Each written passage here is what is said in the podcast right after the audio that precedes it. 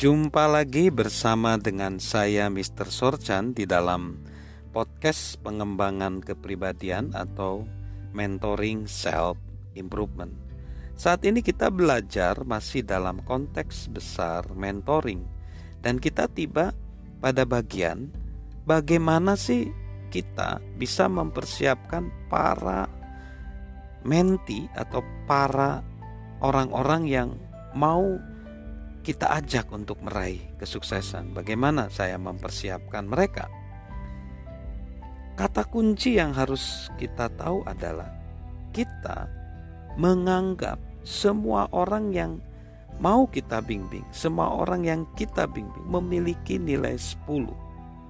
Artinya, kita menganggap mereka memiliki potensi yang terbaik itu mengingatkan kita ya kepada kenangan ketika kita masih kecil, misalnya ketika kita TK atau SD atau SMP, ada beberapa guru favorit kita, guru yang kita kenang karena mereka begitu uh, masuk ke dalam kehidupan kita. Dan kalau kita perhatikan guru-guru tersebut mestinya bukan guru yang hebat di dalam teknik mengajar atau penampilannya luar biasa, tetapi guru yang memberikan rasa percaya kepada kita pada waktu kita kecil. Memberikan rasa percaya atau bisa dikatakan membeli memberi nilai 10 kepada kita. Nah, begitu juga dalam proses mentoring. Atau sebelum kita berpikir tentang proses mentoring, coba kita pikirkan mengenai kehidupan pekerjaan kita atau para pemimpin yang di mana kita mau bekerja sama dengan dia. Pemimpin yang mau bekerja sama dengan kita.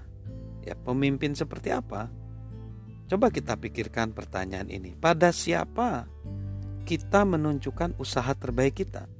Tentunya pada pemimpin yang menganggap kita memiliki nilai 10 daripada pemimpin yang menganggap kita hanya bernilai dua.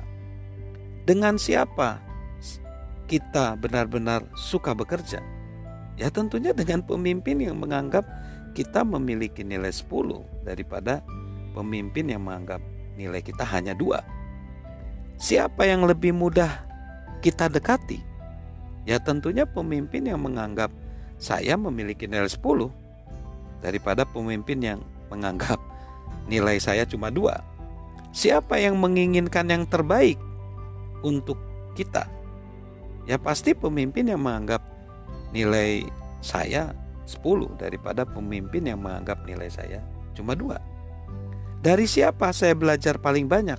Tentunya lagi dari pemimpin yang menganggap saya memiliki nilai 10 daripada pemimpin yang menganggap nilai saya hanya dua.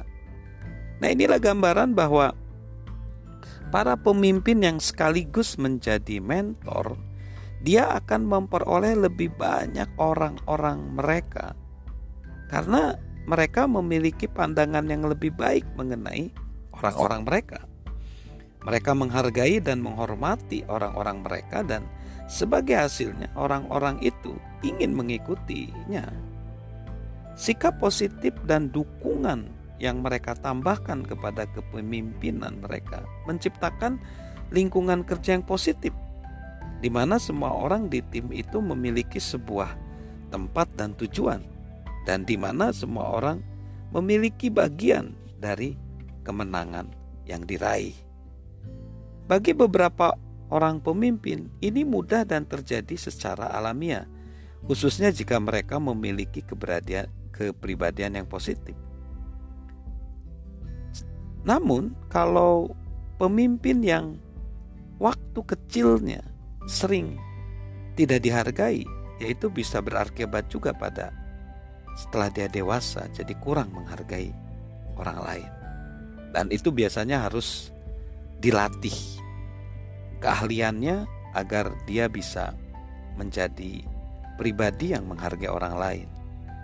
Nah, kita akan belajar bagaimana untuk memperlakukan orang lain seakan-akan bernilai 10 ya pada segmen berikutnya. Salam mentoring dari saya, Mr. Sorchan.